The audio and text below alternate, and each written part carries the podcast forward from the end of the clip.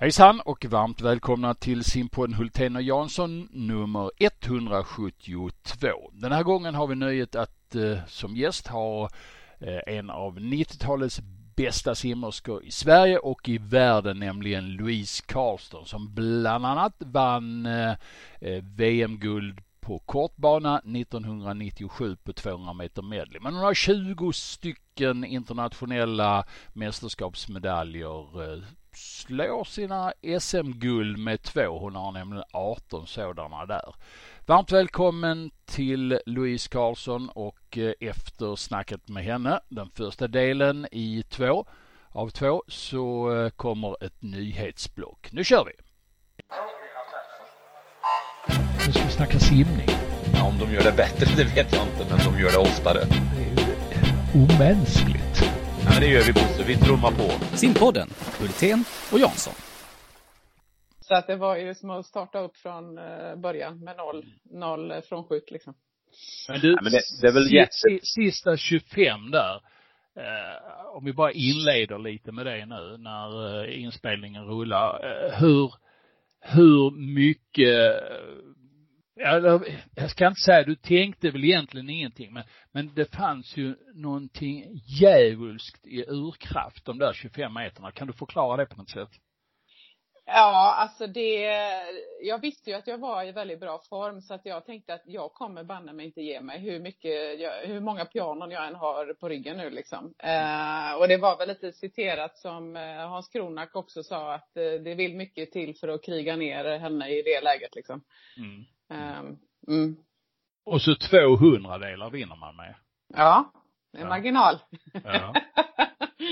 Men du, eh, innan vi kommer fram till det, för det, det, ska vi göra, så ska vi börja någon gång eh, väldigt mycket tidigare. I Uddevalla. För det är där du är född va? Mm, stämmer. Mm. Ja. Eh, fanns det idrottspåbrå i familjen? Eh, inte bland mina föräldrar. Eh, mm. Men däremot så hade jag en, en farbror och en kusin eh, som simmade i Skärets simsällskap som det hette då. Ehm, så på den vägen var det väl att jag började simma för att eh, han var fyra år äldre än mig och hade börjat i någon sån här simgrupp. Eh, och jag eh, har enligt mina föräldrar simmat eller varit i vatten sedan jag föddes. Mm. Mer eller mindre, varit helt galen. Mm fyra år när du började simma? Första... Eller lärde, lärde dig simma kanske? Nej, alltså först till och med första, 1979 var jag med på, eh, då var, ja fyra, ja fem var jag då på mitt första klubbmästerskap, simma 50 bröstsim. Mm. Och så bröstsim, det vackra simsättet. Eller hur? Ja. och det, och det, eh, jag var ett lite sånt där öronbarn när jag var liten, så det är lite rolig anekdot. För min, min mamma eh, och pappa satt på läktaren och så hejade de på mig. Sen det var tio meter kvar, så kom igen nu Louise. Så då stannade jag och hängde på linan och sa, VA? och så fortsatte jag simma. Ja. Men du, alltså vägen fram här, om, om vi nu snackar om att du kanske inte tävlade så mycket utan det, det var väl kanske förhoppningsvis lite, lite mer lek. Men var du duktig ungdomssimmare? Var du det? Var du en bra sumsimmare när du väl blev sumsim? Ja, alltså jag har ju haft förmånen egentligen fram tills eh, mina skador längre fram i karriären. Men hela tiden växt eh, hållbart om man uttrycker mig så. Det, eh, jag började med eh, passionen naturligtvis och med det kom framgångarna och har varit eh, eh för varje år, för varje, ju äldre jag blev, desto mer vann jag i den ålderskategorin eh, så att säga. Och när jag kom upp till, eh, jag tror till och med faktiskt jag har kvar sån här speed och kupprekord i Mariestad för eh, flickor 11, 12, 13 eller något sånt där. Mm. Vilket är länge sedan. Mm. Eh, så att det var liksom, ja, junior SM, sumsim, klubbmästerskap. Det gick ju liksom i sin takt. Det var inte så att från 0 till 100 blev jag stjärna på en natt, utan det var väl att när jag kom till sumsim där då som tonåring så, så, så vann jag faktiskt både hundra varje, så att säga, mm. varje simsätt. Mm. Mm. Så att jag var liksom allätare från början, kunde mm. behärska det mesta. Mm. Eh, skäret på den tiden, tränare från början var, vem då? Eh, från allra första början så var det väl de här ungdomstränarna men sen så blev det ju eh, Leif Karlsson då som Mm. var igenom mer eller mindre hela min karriär bortsett från när jag bodde i Kanada och även när jag bytte till Helsingborg så småningom så var jag han tränare där också. Mm. Mm. Ehm, och allting det här rullade på, om jag har förstått rätt, eh, fram till 18-årsåldern någonting, eller hur gammal var du? Nej, du var 15 när du debuterade i landslaget. Vi ska in det här kronologiskt naturligtvis. Mm. 88 har jag för mig att jag hade någon, någon sån här fyra nationers landskamp i, eh, någonstans i Holland. Så Mm. då var jag väl 14 eh, ungefär. Ja, någonstans där. Ja, just det. Mm. Den, den minns jag också. Där var Och jag då var, då var, jag tror det var första gången man fick simma 100 medley. Och jag Mm. vet jag simmar mot de här tvillingarna, vad de nu hette, eh, från Holland, som var så duktiga. Mm. De, de holländska tvillingarna. Exakt. Ja, ja. Mm. Men du, eh, eh, hur var det som 14-åring att hoppa in i svenska A-landslaget? Idag känns ju en 14-åring i A-landslaget som väldigt unikt. Det är du och Sara Sjöström de senaste 30 åren ungefär. Mm. Nej men alltså då, det var ju ganska fräckt. Jag vet ju om det var då 88, 89 och sen kom det också någon eh, landskamp i, fyr, fyrnationers landskamp i Örebro om jag inte helt missminner mig. Eh, där Adrian Morehouse till och med på den tiden eh, var fortfarande med. Det var väl England, Tyskland, Holland, Sverige tror jag på Mm. den Mm. Ehm, och han var ju min stora idol naturligtvis eftersom jag var bröstsimmare eller tyckte det var roligt. Och jag vet min inkilning vid det tillfället skötte ju då Micke Söderlund på den tiden. Alltså vi Oj. Det känns som vi pratar antikrunda nu faktiskt. eh, vilket jag är jättetacksam om att få upplevt liksom olika era inom simningen. Eh, där jag kom någonstans mitt emellan som ung då. Eh, och han kände ju Ada och jag då skulle ställa mig upp på engelska som, som då 15-åring och, och intervjua honom med alla dessa konstiga frågor som han hade gjort till mig. Eh, det var Mm. jättepinsamt. Men så himla roligt. Mm. Så det här, det här, eh, eftersom vi har stött på varandra tidigare, han har ju varit kommentator i, i många år också, eh, Adrian Morehouse, så är det här någonting som vi skrattar åt eh, faktiskt när vi ses. Mm. Och ganska snabbt som sagt så blev det ju, om jag förstår väldigt duktig eh, internationellt sett. Va? Första EM-guldet ramlade in eh, 91. Mm. Gelsenkirchen. Mm. Ja. Eh, var det för tidigt? Eller var, var du mogen för ett EM-guld i det läget? Nej men det tycker jag nog att jag var eftersom som sagt att det hade ändå jag hade hunnit med ganska mycket, även om det låter konstigt, men, men som sagt, det kom inte över en natt, utan förväntningarna fanns väl där någonstans att eh, det här skulle bli mitt genombrott. Jag hade ju även innan då 90 där slagit någon form av så här inofficiellt världsrekord, eller om det var 91 i Södertälje, eh, innan den här tävlingen på hösten där. Um, och det blev ju stora rubriker då naturligtvis. Uh, och även året innan på långbane-SM slog jag igenom och vann massa guld också. Um, så att på något sätt så var det ändå, ja men skulle det vara nu att jag skulle få en mästerskapsmedalj så, så var det den chansen liksom. Va, vad kommer du ihåg från det loppet? Var, var det på fjärilsim förresten? Uh, nej, det var 100 medley. Det var så 100 simmade- medley som var första? Ja. Ja. ja. Vad kommer du ihåg från det Ehm, loppet? Eh, ja, inte jättemycket, men jag vet ju liksom ändå att det var ju de allra bästa var ju med. Jag tror till och med Daniela Hunge var med också på slutet där och eh, det var mycket, det var ju de här gamla öststatssimmarna som var egentligen bäst då. Eh, så att det är klart att det var jättemånga som var duktiga som hade liksom vunnit eh, OS-guld och annat. Så, ja. Me- medley, alltså, nu får du rätta mig, är, är turordningen på eh, dina kvaliteter som simmars, simmerska när det gäller simsätterna eh, lite övervikt till bröst och sen fjäril, sen frisim, sen ryggsim? Mm, ungefär så. Ja, fast jag, eftersom jag ändå kunde behärska sprint, eftersom jag varit sprint, så, så var ju egentligen att fjärilsimmet var det ju aldrig någon, alltså första 25 ledde jag alltid, alla lopp. Duktig på att kicka? Redan ja, då? Ja, och även startmomentet har Även som har startmoment. varit, ja, vilket har varit ovanligt från svensk vinkel egentligen, att man är duktig som start och vänd- vändare.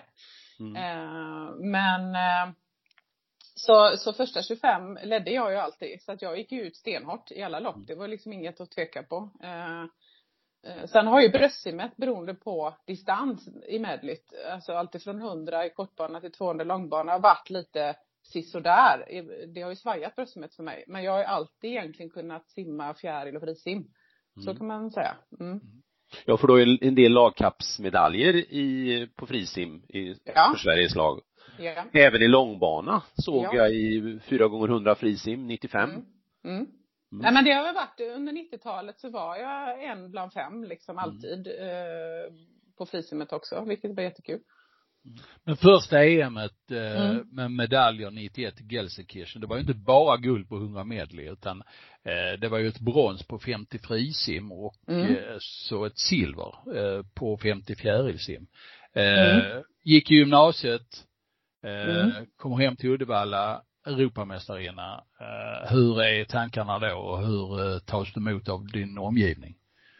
Nej men det var ju, eh, det var ju blommor och det var journalister utanför dörren och det var ett väldigt, eh, väldigt stort var det ju i Uddevalla. Och även egentligen i massmedia generellt i Sverige. För det Mm. var ju inte jättemånga då som simmar på den nivån, eh, framförallt inte som tjej. Och inte så många andra idrotter heller. Så det, det var lite, man fick väldigt mycket uppmärksamhet. Och efter det så kom ju, jag vet jag vann ju massa sådana här priser. Det var TV3, jag fick flyga till London och spela in Tipsextra på den tiden och det var, så att det var, de var och filmade i skolan och mina klasskompisar tyckte det var jättehäftigt. Mm. Mm. Så att, eh, nej men det började väl på allvar liksom naturligtvis då med, Mm. med, med det här med Sportnytt och, och olika reportage och så. Mm. Och sen året efter, eh, OS i Barcelona.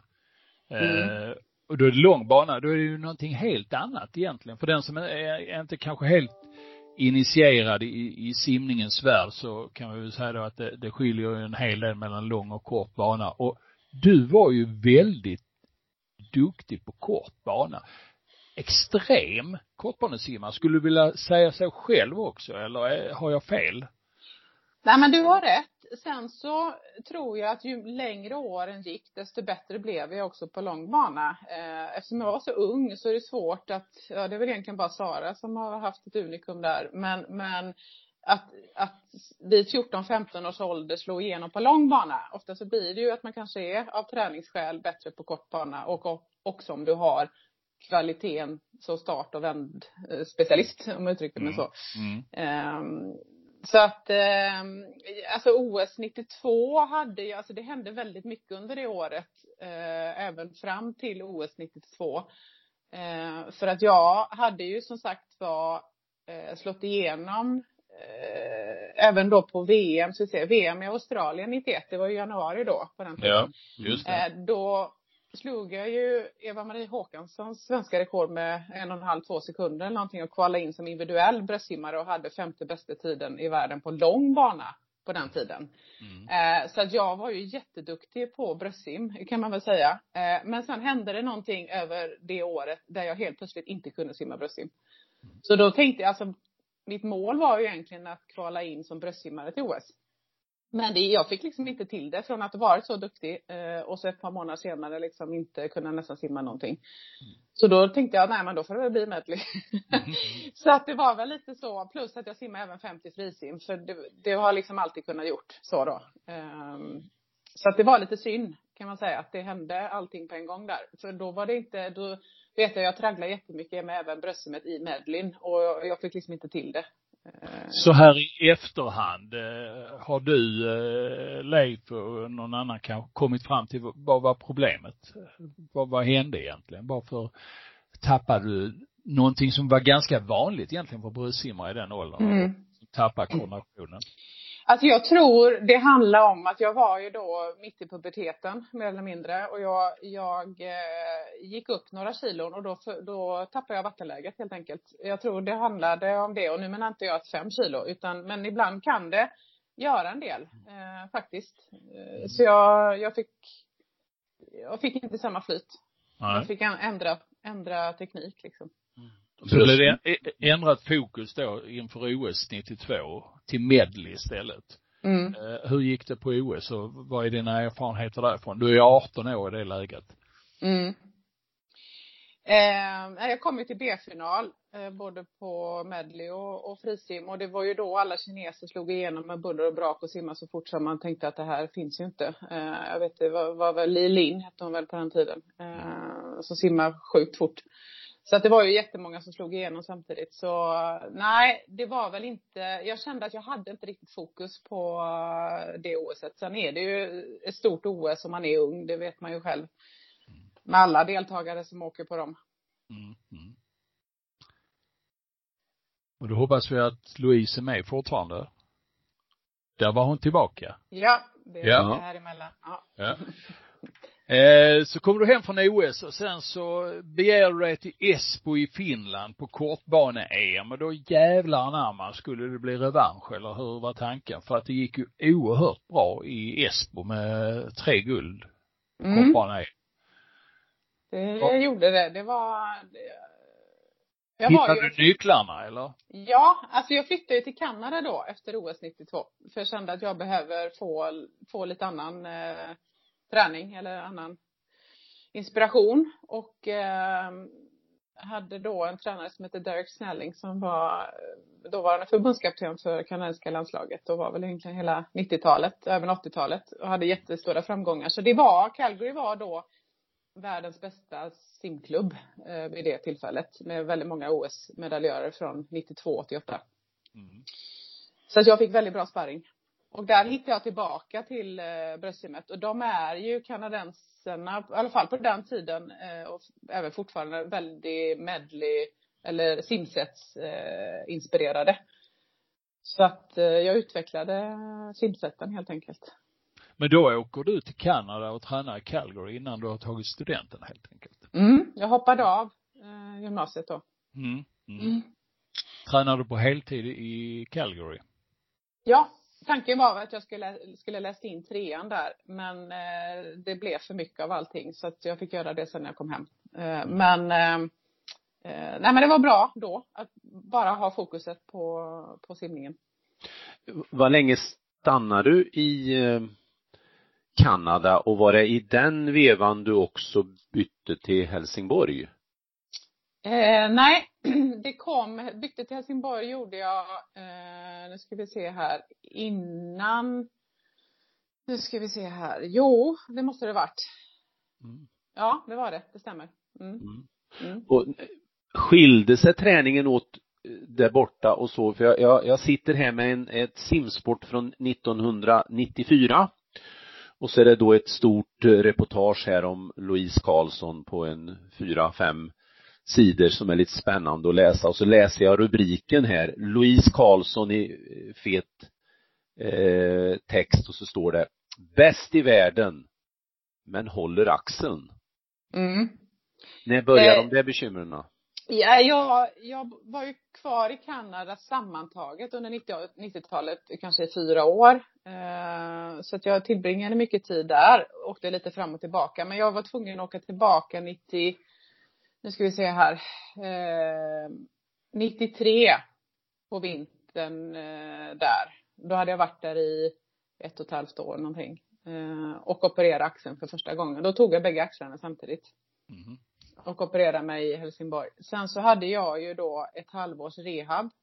Från att jag inte kunde röra axlarna överhuvudtaget till att börja gå i en plaskpool och röra armarna ungefär.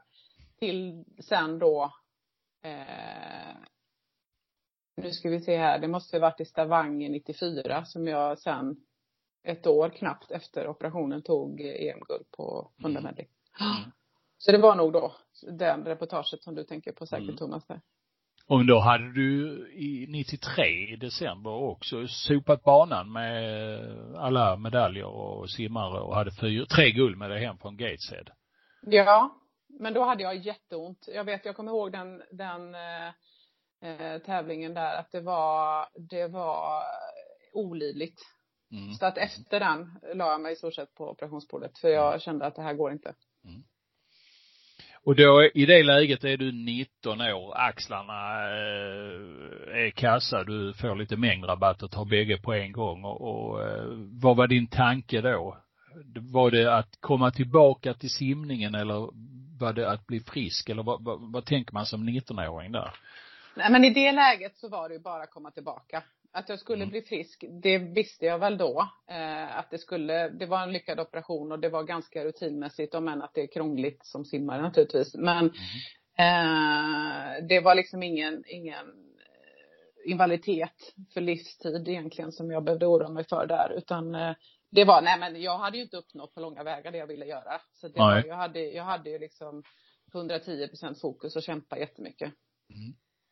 Och så är du tillbaka 94 då och så rullar det här ju på ganska elegant och fint och det känns ju som att det var en repris år för år. Louise Karlsson guld på kortbane-EM och så blev det lång bana och så blev det ett eh, fantastiskt VM i Rio Mm. eh, 95.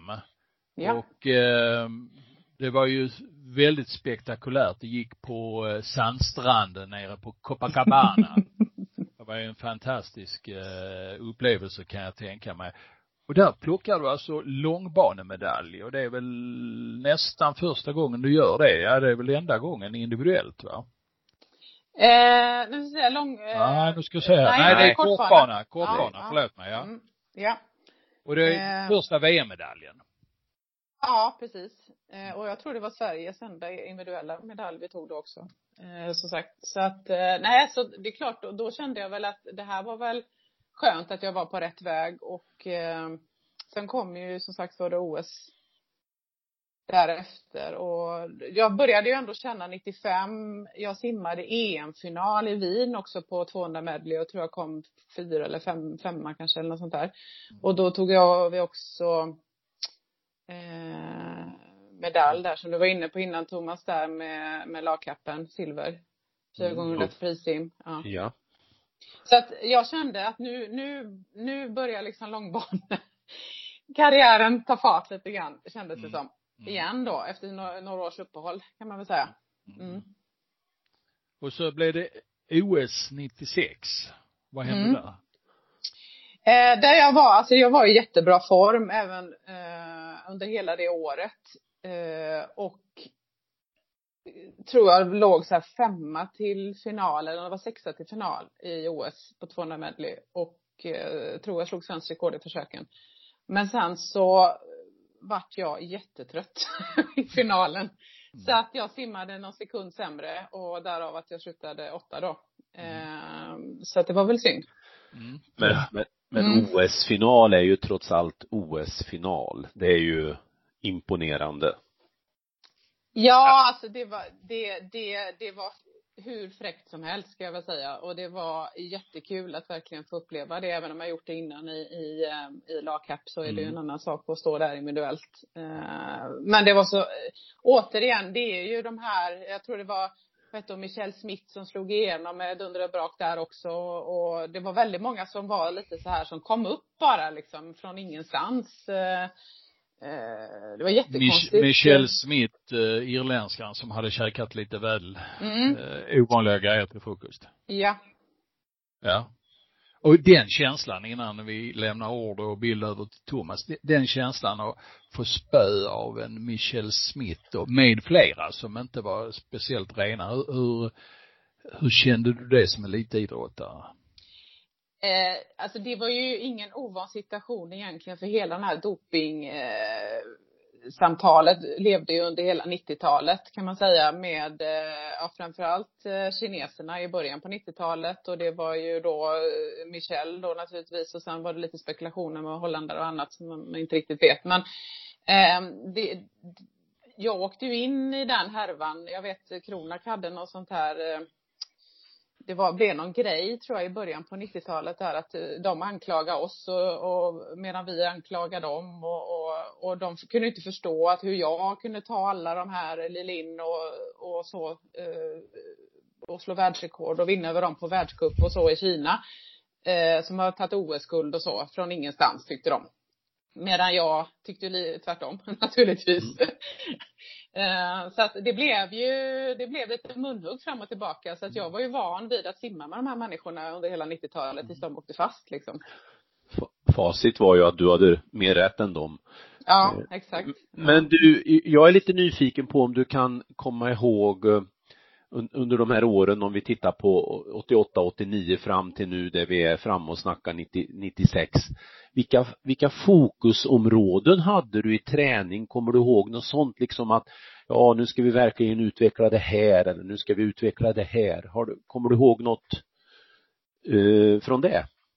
Ja, alltså jag vet ju eh, då när jag var som bäst på bröstsimmet där då, SM 90 som vi var inne på, då har jag aldrig simmat så hårt och tufft i hela mitt liv. Alltså de bröstsimspassen var helt sjuka som jag gjorde. Jag vet, vi var iväg i Fort Lauderdale på, på läger på den tiden med, med skäret och jag har ju alltid haft sparring. Jag har haft bröstsimmare i skäret som varit väldigt duktiga på killsidan.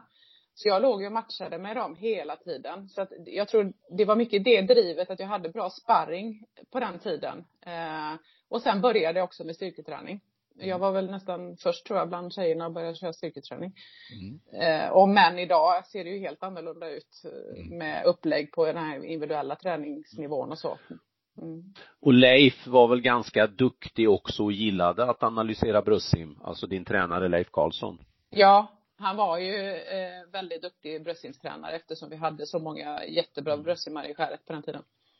Och då, någonstans så landar vi ju i det lopp som vi kanske ska grotta ner oss i allra mest och det är ju då VM-finalen, en kort bana i eh, Göteborg 1997. Och mer om detta, ja det kommer nästa vecka i simpodden nummer 173. Nu har vi en kort paus innan eh, ett nyhetsblock. Nu ska vi snacka simning. Ja, om de gör det bättre, det vet jag inte, men de gör det oftare. Det är ju omänskligt. Ja, men det gör vi Bosse, vi trummar på. Simpodden, Hultén och Jansson. Mm, ni är välkomna in i eh, nyhetssammanfattningen i den här eh, simpodden Hultén och Jansson. Eh, vi har fått se ett danskt OS-kval i helgen. Du som eh, har argusögon på dansk simning. Gamla var en hel del eh, bra insatser av dem om jag inte har läst helt fel. Mm. Eller? Ja, det, det är klart att eh, lite grann flagnar väl den här eh, detaljkunskapen eftersom man inte lever i miljön där nere men eh, jag har ju förstås följt eh, danska OS-kvalet. Eh, mm. Det var ju några saker som stack ut som ganska bra. Signebro 53,8 på 100 frisim. Eh, eh, vad heter det, ganska bra långdistanslopp. Några som OS-kvalade. Det som gjorde mig mest förvånad var ju startfälten. Att det var så lite folk ja. Ja, så väldigt lite. Det är väl av, av coronaskäl förstås att de har minimerat att bara de som har någon form av realistisk chans att kvala. Men det var ju eh, det, det visade samtidigt på hur tunn dansk simning egentligen är va och eh, det visar också tycker jag utan att det blir någon form av vetenskapligt bevis men vi har ju fler liknande länder att Eh, de här starka ungdomskadrarna som man har då och då eh, att prognostisera dem hur det hur seniorlandslaget så småningom ska se ut det är nästintill omöjligt. Och vi gjorde ju när jag var nere i Danmark eh, så gjorde och gud jag fick ju hjälp av någon i Sverige, det var, kunde det ha varit Henrik Forsberg, ja, någon var det i alla fall som gjorde lite jämförelser i olika åldersklasser mellan, jag, jag tror också det låg ute på simma, mellan eh, Sverige och Danmark och där man såg hur oerhört mycket starkare Danmark var på ungdomssidan än, än Sverige och så minskade gapet allt eftersom det blev äldre. Eh, sim, åldrarna blev, äh, blev äldre. Och jag är ju lite förvånad över att dansk simning med tanke på hur stark den var på lite bredare front för tio år sedan kan vi säga, för att göra det lite enkelt. Eh, så det var lite tunt. Men eh, Jonas Lundströms gäng, Sigma, eh, han verkar ju ånga på där. på ett bra sätt. Eh, sen nämnde du att Farumsimmarna fanns i, i toppen på några ställen och, och, och så var det ju. Till exempel Filip Greve, bröstsimmaren som tog medalj på EJM för väl sex år sedan och då simmade på 28.00 på 50 bröstsim och simmade på 1.02 och 5. Han gjorde ungefär samma tider nu när han vinner OS-kvalen. Och det är klart, då blir man ju lite det här temat du och jag har varit inne på en del hur man ska hitta nycklar till utveckling. Mm.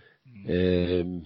det är klart, simmar man som 16-17-åring och sen, sen inte fort utvecklas så tyder det på något fundamentalt fel eftersom vi ser det på väldigt många simmare. Vi hade Kevin Witt eh, som simmar vann 100 eh, frisim.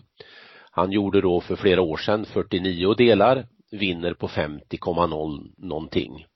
Trots att både Filip eh, och Kevin har flyttat in till det här eh, träningscentrat så händer ingenting utvecklingsmässigt och då, då kan man ju fundera på, skruvar vi på på rätt saker eller eh, är det så trist att man i vår idrott väldigt snabbt når någon sorts maxprestation?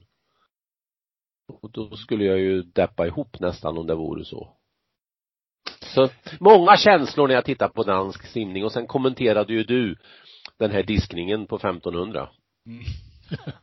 ja, jag vet inte, jag, jag, jag på den ett par gånger och jag tyckte den var väldigt klåfingrig eh, från funktionärernas sida. Alltså det var en deltagare, den danska rekordhållaren på 1500 frisim. Han klarade EM-kvalet med någon tiondel var det väl va? Och så mm. blev han diskad för tjuvstart. Mm. Eh, ja, det var väl kanske så. Det är svårt att avgöra i ett läge när man ska synkronisera ljud och bild över eh, över nätet så här. Eh, men det kändes Danmark. Mm. Det var Danmark i sin prydno. Där letade de efter ett fel och då hittade de det och så small det till och så var hans säsong förstörd. Ja, om man nu gör reglerna så fyrkantiga att man inte tar hänsyn till hur fort han simmade och lägger in en tro om att han inte kommer att tjuvstarta på ett EM. Mm. Eh, och, och, på tal om det här med kvaltider och fyrkantigheter kan man ju också säga att Danmark var ju eh, lite föregångare till Sveriges mycket hårdare klimat när det gäller eh, uttagningskvaltider och så vidare. De körde ju jättehårt med det när jag var där nere. Men man ser ju ingen effekt att det skapar utveckling. Utveckling skapas återigen i det dagliga arbetet att du gör mer rätt än fel. Mm. Ja, det var under, underliga simtävlingar. Ja. Eh, jag förstod att de var coronaanpassade definitivt. Eh, det var ju ett eh, slottssystem. Man, jag läste mallarna för tider de skulle komma in och det var alltså anlänt till simhallen, in i omklädningsrummet, insimning, första start, avsimning, ut ur bassäng och så var det ett schema då. Det fanns ju inte plats för så speciellt många simmare naturligtvis. Mm. Eh, men eh, men hade de haft tio till som hade haft eh, en större chans så hade de ju kunnat klämt in dem också. Förstås. Absolut. Så Inom ramen för corona-anpassningen. Ja. ja. Du, förra helgen var en av de mer lovande svenska simmarna eh, på här sidan då, Björn Seliger i vattnet och simmade Pac-12 i, i Houston eh, och eh, det var en conference eh, med bra team i. Och det gick ganska bra för honom. Eller jag ska stryka eh, ganska, för det gick bra för honom. Eh, någon liten miss på något ställe men eh, overall var det ju väldigt eh, fint. Eh, simmade 50, 100 och 200 eh, yards frisim.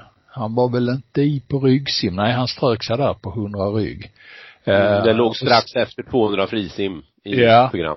Precis, och simma mm. lagkapp och simma fort och var med och tog medalj på 50 och vann i lag Och eh, det får väl anses vara en, en bra, ett bra första mästerskap på honom. Han eh, rådde inte på eh, fjolårssegran där i Pac-12 men eh, eh, då, och han kommer ju också från Cal den här killen va? så att de har ju bra simmar där och nästa år så får väl, får vi ännu mer intresse runt det när Robin Hansson kommer dit. Vad tycker du om Seliger? Nej men han klarar ju det där mer än galant, satte ju två rekord när det gäller 50 meter eh, frisim yards och Eh, en monsterlagkapp om vi använder ett nu mer populärt ord i idrottskretsar. Mm. Eh, gjorde han ju på 100 meter. Han simmade ett gediget 200 frisim så att eh, det finns nog skäl att eh, vi fortsatt är optimistiska att han kan bli en eh, världsklass sprinter. Mm. Får han vara hel och ren så kan det mycket väl bli så. Det ska bli kul att följa honom. Eh, och han har ju, eh, han har ju viljan, om jag förstår. Eh, och intresset att vara med och, och slåss, verkligen. Mm. Du, eh, internationella kvinnodagen är det idag den 8 mars. Hur firar du den? Nej, jag vet inte om jag firar den på något sätt men eh, en reflektion blir det ju återigen kring att inte idrottsrörelsen mer påtagligt tar eh, tag i sin del av den där stafettpinnen. Jag tror ju att eh, idrotten kan vara role models när det gäller eh, jämställdhet på ett mycket, mycket bättre sätt än, än de är. Eh, om vi tittar på vår egen, egen idrott så är det ju först nu vi simmar lika långa distanser. Eh, det borde vi ha gjort från begynnelsen förstås. Eh, om vi tittar på de här två lagidrotterna, hockey och fotboll, som eh, då gör en del för, för kvinnoidrotten men men de gör ju inte alls tillräckligt och de verkar inte förstå att det skulle betyda väldigt mycket för de unga idrottstjejerna runt om i landet om de gjorde mer. Eh, tittar vi på det vi nyss har sett när det gäller skidor, då på längdskidor som gick senaste veckan så är det ju helt eh, obegripligt att eh, de fortfarande har olika långa distanser på en i, alltså på en idrott där de självklart skulle ha samma distanser. Och det är nästan än mer obegripligt att inte journalisterna lyfter det här och driver det och pushar och inte ens skattekanalen eh, SVT driver det ju och det tycker jag det brister i det journalistiska ansvaret. Så det är väl mitt sätt att reflektera över kvinnodagen. Eh, trist också att höra att vi börjar släpa efter mot nordiska grannländerna istället för att vi drar ifrån dem. Mm. Är det så? Ja, jag har sett flera rubriker här nu på, jag tillhör ju kategorin titta på text-tv. Ja, just det. Ja, men vi är många. Vi är mer än en och en halv miljon som dagligen använder det som kunskapskälla. ja, det är lite roligt. Eh, jo, eh, min hemmatidning här, den var helt genomsyrad av eh, internationella kvinnodagen, då Sydsvenskan. Eh, och många bra eh, artiklar, eh, ögonöppnande för många förmodligtvis. Så att eh, det var intressant. Konstigt. Men, men var det någon artikel, förlåt, var det någon artikel som belyste det från sidan vad, vad egentligen idrotten skulle kunna göra som de inte gör? Ja, det var flera sidor. Bland annat ja. lyfte man fram eh, tränaren i Kristianstad, eh, fotbollslaget där. Eh, isländskan som eh, har varit eh, tränare i 12 år. Hon är den enda kvinnliga mm. eh, coachen i eh, fotbollsallsvenskan för damer. Mm. Och eh, det är ju lite märkligt kan tyckas att det är mm. på det sättet. Men hon har berättat om hur hon har gått genom ekluten och bland annat eh, efter en eh, en tränarkurs på hög nivå på något ställe eh, rekommenderades att inte använda nagellack under eh, träningarna för det, det var eh, för si och så. Mm. Och eh, det blev hennes eh, uttryck sen att bara ha nagellack varenda dag, varje träning, varje match, alltid. Och bara sånt där är ju väldigt märkligt. Mm. det är klart, det finns många grottgubbar kvar naturligtvis. Va? Så att, eh, det är mycket att besegra. Men eh, jag Mm. tyckte Sydsvenskan hade relevanta, bra artiklar Mm. idag på många eh, områden. Mm. Du, någonting som eh, vi har eh, vänt oss eh, mot och eh, reagerat mot det är ju ledningen i FINA, det internationella simförbundet. Eh, nu har han lovat, lövat, eh, Cornel Marcolescu, det vill säga vdn i FINA, att han ska avgå nu efter 35 år på högsta vd-posten. Han är ju bara 80 år så det, det är ju kanske lite tidigt nu. Hans ordförande är ju bra mycket äldre. Men han ska tydligen också avgå om jag förstår rätt. Eh, sen vet jag inte om vi får en bättre ordförande. Vi får någon eh, lagom korrupt Kuwaitier eh, i ledningen.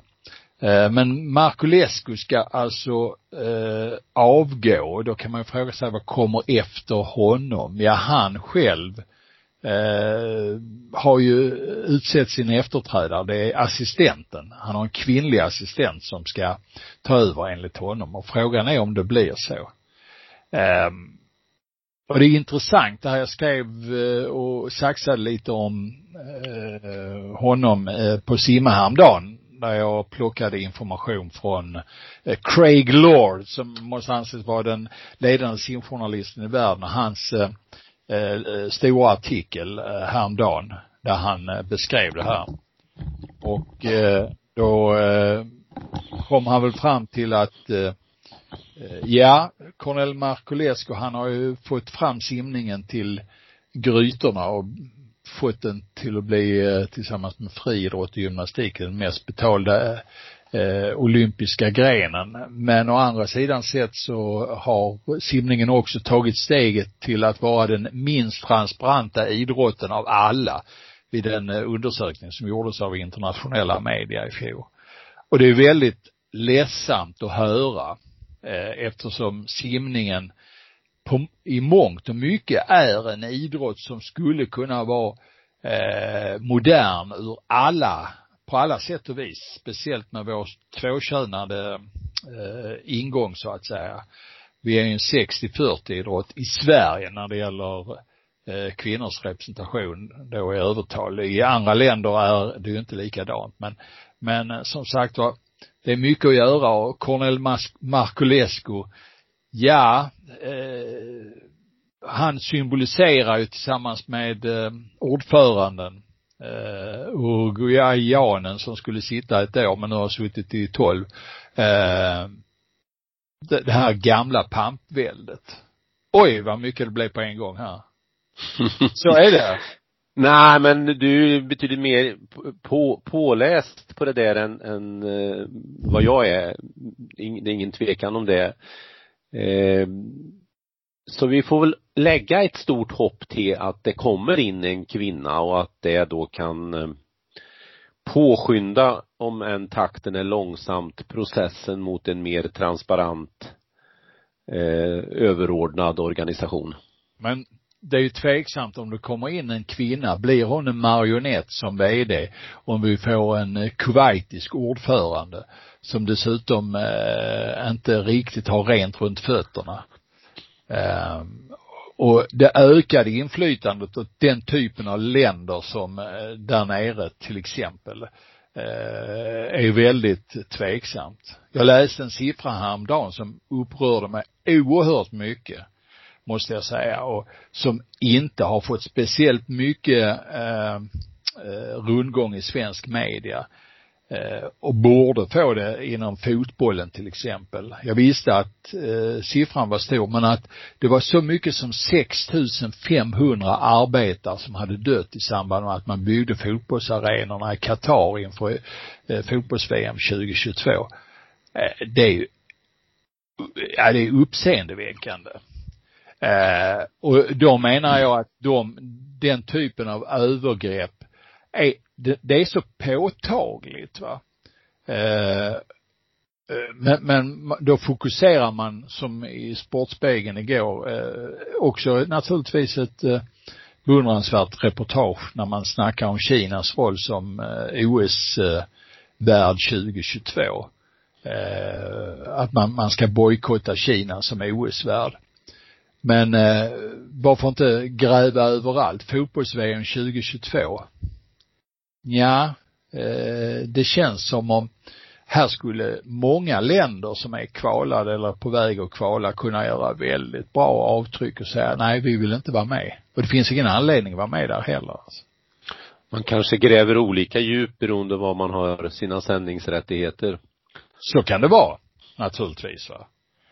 Eh. Eh, det, det, alltså jag Ja, för, för det första tycker jag att idrott och politik hör ihop. Det går inte att separera det.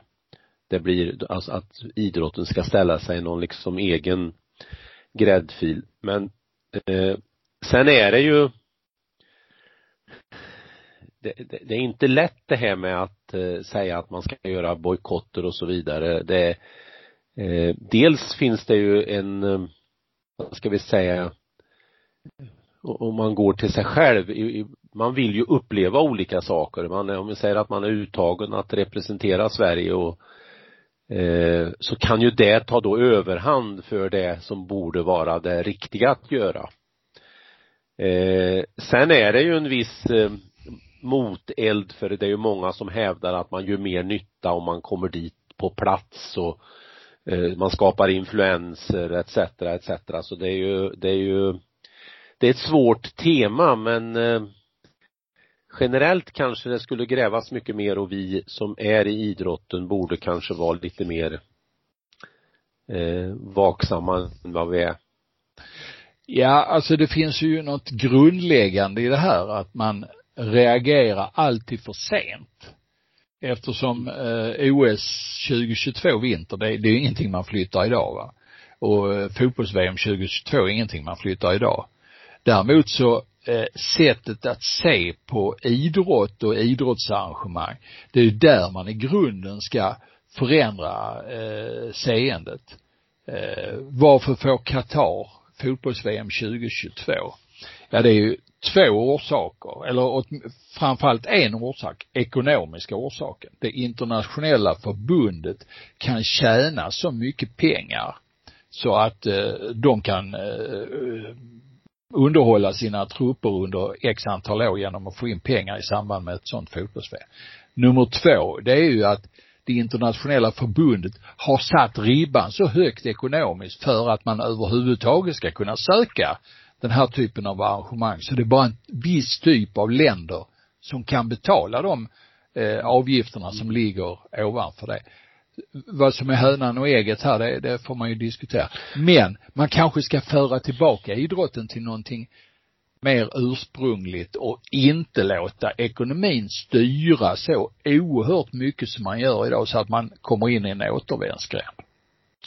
Man, jag tror nog de flesta kan vara överens om att det är en stor baksida att ekonomin spelar, ekonomins pengar spelar så stor roll i de här sammanhangen.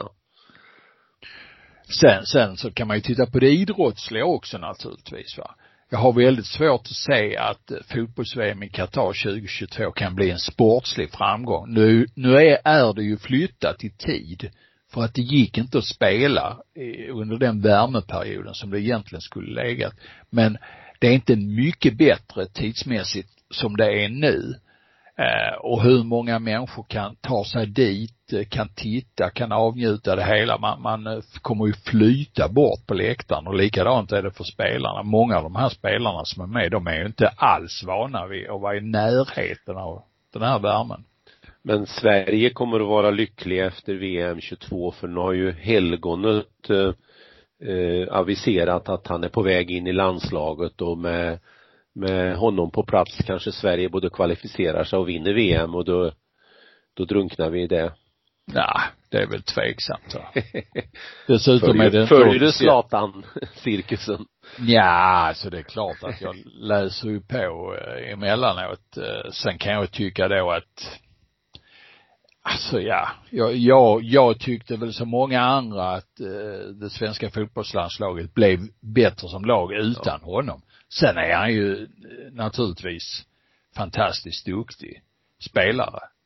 Eh, om han är bäst idag i Sverige, det är svårt att avgöra. Eh, han fick ju guldbollen i alla fall.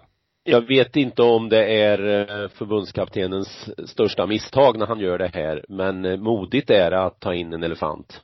I, Ja. I de här sammanhangen. Alltså, Janne Andersson är en bra förbundskapten som jag ser det. Och det är möjligt att han gör rätt för att just nu så är det ju väldigt profillöst Mm. i svensk fotboll. Eh, måste jag säga. Det finns ju inte mycket att hänga i julgranen. Nej, men vi gjorde ju ett jättebra VM 2018. Ja, Alltså ja. kvartsfinal där är ju, Ja. var ju fantastiskt bra. Men det känns ju som om luften har gått ur väldigt mycket av det. Vi har ju inte sett mycket 2019. var ju verkligen ingenting att yvas över det vi har sett under coronaåret. Ja, tveksamt. När det är våra backar som eh, är de stora stjärnorna, då vet katten hur bra vårt landslag är. Ah, ja. Jag tror vi är en återvändsgränd när det gäller fotbollens eh, Det är tur vi kvalitet. har fotbollsdamernas landslag. ja, De levererar ju med medaljer lite titt som tätt i alla fall. det gör de säkert. Det, ja, ja, vi där har herrarna lite att jobba på. Du, eh, det är många som är eh, irriterade över SOKs uttagningar, speciellt då svenska maratonlöpare och friidrottare som inte har kommit fram till grytorna riktigt ännu. Kan du redogöra för det? Ja, i, i grunden eh, kanske man skulle säga som så här att eh, systemet i Sverige och det finns liknande i en, en hel del andra länder är ju att eh, det är då SOK som eh, Sveriges olympiska kommitté som är den som har sista ordet om du ska få ställa upp på ett OS eller ej. Eh, aktat av att du har klarat de internationella kravtiderna. Och då är det ju som så att både i friidrott och simning, om inte det har skett någon förändring alldeles nyss som jag har missat, så är det ju A och B-kvaltider. Och där har ju Sveriges olympiska kommitté ofta ett hårdare regelverk än eh, de här tiderna. Eh, framförallt hårdare än, än B-kvaltiderna eh, som ju möjliggör att man får ställa upp med en person i en gren. Och, och jag har ju i, ja, årtionden hävdat att den där eh, politiken som man kör med där från SOK att vara så ultimata och inte låta de olika förbunden bestämma mer hämmar mer än det utvecklar. Och just nu då har vi ett exempel att vi har flera maratonlöpare som har sprungit på, för att klara de rikttider som är även klarat eh, SOKs tider. Men då var det vid lite fel tillfälle etc etc alltså det här maktspelet är inte befrämjande för utveckling och här tycker jag att SOKs fina arbete när de i så kallade i vardagen jobbar med utveckling och hjälper de aktiva med allt ifrån att hitta bra kostprogram till eh, öka bålstyrkan eller vad det nu kan handla om. Det eh, försvagas väldigt av att man eh, tar befälet över förbundskaptenerna. Det är inte bra för svensk idrott. Nej. Mm. Nu vart du tyst. Ja, nej, men jag, jag, jag håller med dig. Jag håller med dig. Det är, vi har ett väldigt märkligt regelsystem när det gäller uttagningar till OS. Men du är mycket, som du sa till mig för en liten stund så du är mycket mer initierad i detta. Jag, jag eh, helt klart är att eh, eftersom du har varit inne i den här apparaten så, så, så är din, ditt engagemang för det här my- mycket större än vad Ja. det är. Alltså det är ett pampvälde det är liksom att, någon övertro på att liksom eh, eller, eller så, så här ska jag säga, det är en brist på förtroende att de aktiva och de svenska förbundskaptenerna gör ett bra jobb. Då ska de in och styra där Mm. eh, var fjärde år. Mm. Och det lamslår lite grann, jag menar den här talangen som man kanske ser i en idrott och som man skulle vilja matcha och ser att ja, men den här grenen så är jag ensam alltså räcker det att jag klarar B-kvaltiden så får jag ställa upp. Alltså det, det är ett problem, ett problem. Och likaså att de också ibland lägger sig i när det finns kvotplatser. I vissa idrotter har det ju än tuffare eh, där man liksom under en lång period för OS tävlar om de här platserna att få komma till ett OS. Så inte ens då är det säkert att man eh, kan få ställa upp och det känns, det känns märkligt gammalmodigt. Det är en avart från eh, förr. Ja. Så Jo, därför jag men- blir engagerad i Ja. frågan. Jag tycker synd om Ja. förbundskaptenerna och idrottarna. Men det, det är väl så att eh, SOK tycker att eh, idrotten är inte riktigt trovärdig. Man vill ju alltid ha in fler aktiva än eh, vad som är kvalat, vad som har eh, preciserats i förväg och, och eh, det har väl också varit så från och till att eh, förbundskaptenerna har varit lite oärliga i sitt sätt att eh, matcha lite turistresor och sånt. Friidrott har ju alltid varit ett, ett sånt här gäng som, de har alltid varit fem stycken för många kan man tycka om man ser det utifrån. Simningen har ju varit det under en del OS också. Eh, nu är vi, är det, är det väl simningen som snarare är lite mer restriktiv än SOK på något sätt va. Vi matchar ju eh, inte riktigt fram, eh, tycker jag, åtminstone det som borde matchas fram här. Eh, ännu tuffare. Men d- där är det ju lite minerad mark naturligtvis. Vi snackar fyra gånger två och så vidare som jag tycker skulle haft en bättre marknadsföring i svensk simning. Och så vidare och så vidare. Men alltså jag, jag tror att man kan göra en, en, det kanske blir en konstig jämförelse men men i Sverige har vi ju ett, ett rättssystem som, som ju säger att hellre eh, missar vi en skyldig än vi dömer en oskyldig. Eh, vilket i enskilda fall kan kännas jättemärkligt men det är ändå eh, det, det är ändå ett bra system och, och jag lite grann kan jämföra det med att hellre att det kommer med några som just då kanske då inte presterar eh, och blir lite turister som du använde ordet. Men det här att man skickar stora trupper och det här signalvärdet för alla de bakom. Det är ju ett enormt nålsöga att eh, komma till ett olympiskt spel och eh, det, det främjar inte att man gör det eh, trängre än det behöver vara. Och återigen det här med kvaltider och alltihopa. Det går inte att koppla ihop utveckling och hårda kvaltider. Det är, det är ett jättemisstag som eh, man gör och det är samma sak att SOK här gör ett starkt misstag. Låt det hellre vara med en del som, jag menar vad skulle det bli för OS om vi inte hade någon som blev 37 eller 52? Nej, men alltså ju, ju, den svenska inställningen till be, eh, finalchans, den, det är ju inte rimligt i dagens läge. Alltså du är ju världsidrottare som 9, 10, 11, 12 semifinalist. Eh, inget Ja. snack om saken. Och Ja, skulle det vara så 20. att, ja, att det är fyra stycken friidrottare för mycket, so what? De Mm. är ändå spridda förmodligen i fyra stycken olika, inom friidrotten, olika idrotter och grenar som kan stimulera, precis som du säger va. Mm. Eh, vi har råd med det. Mm. Så brukar min säga, fru säga. Har vi råd med? ja, jag har ju haft två simmare som i sin första OS-start inte fick simma alls. Sen har de haft eh, strålande karriärer efter det och haft med sig någonting och den ene fick sen en OS-medalj på nästa OS och, och den andra var med och fick en, en EM-medalj en lagkapp och så vidare. Så att det, det skapar utveckling tror jag att vara generös. Ja. Ehm. Du snackar om experter. Vi har gjort Ja, ett litet Det är eh, minerad, minerad mark det eftersom nu, nu jävlar, nu, nu, nu ska du få liksom eh, framträda själv här. Jag sitter på eh, åskådarläktaren och lyssnar. Jag har nämligen inte läst igenom det här lilla planeringsavsnittet som kommer här alldeles på slutet. Nu ska du få berätta vad där står.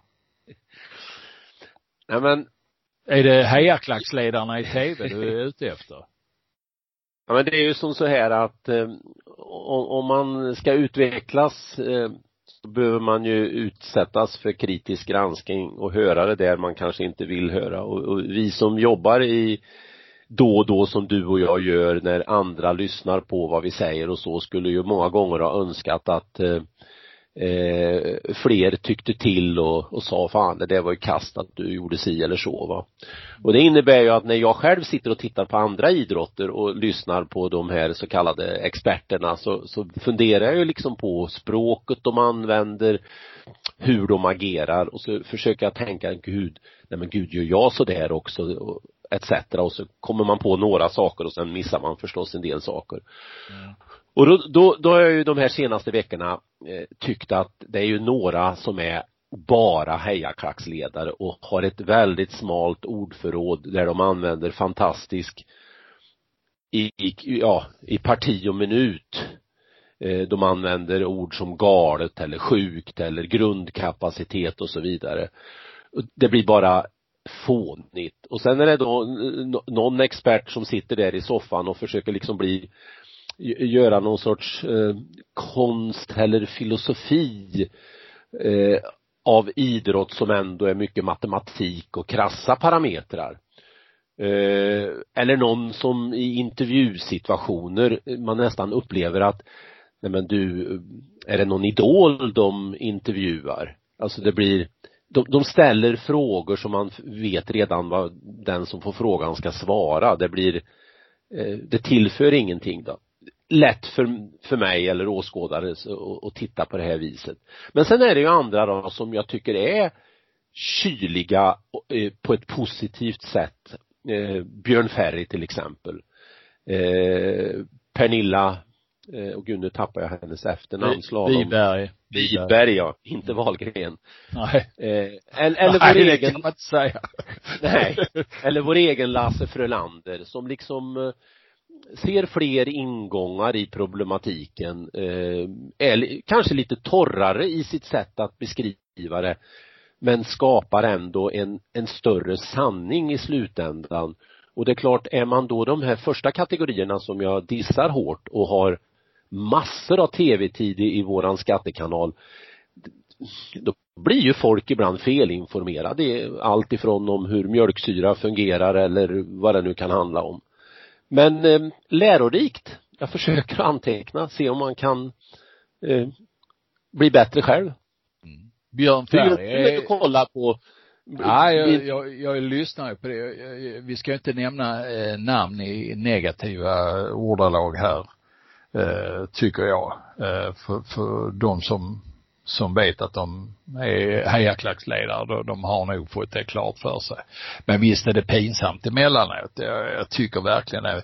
Björn Ferry däremot, han kan ju ibland vara lite så kall och, och eh, så att kommentatorn bredvid honom får liksom sparka på honom och säga du nu, ja men ja. Ja, vill han liksom inte tidigt i Han tar ju inte ut segern i förskott, Sverige. Definitivt Nej. inte. Han är ju kritiskt granskande ända till de har skurit eh, mållinjen och eh, tagit eh, en framgång av någon slag. Mm. Då eh, kan han bli väldigt eh, uppåt. Men eh, han är ju eh, kritiskt långt tillbaka. Jag tycker Pernilla Wiberg är duktig. Allmän eh, hon har en god allmän kunskap och allmänbildning som gör att hon går fram eh, väldigt starkt i, i tv va? så att men där, där finns som sagt var eh, eh, en del hejaklassledare och problemet är ju när idrotten blir i symbios med tv eller tv blir i symbios med idrotten mm. då, då kan det bli pinsamt emellanåt när, när inte kritiska frågor kan ställas, när man inte ifrågasätter någonting. Eh, och då, då, då är, då är det nästan lite komik över det hela. Det blir lite bondkomik. Bill, vad heter de här fjöntarna som eh, är med i var och varannan trailerkväll? Billy och Kalle eller vad de heter. Det, ibland så kan jag tycka när jag tittar på en del idrottare att det, det är lite den känslan. Alla har inte Thomas. Ja, alla har ju inte glesbygdskavaj på sig.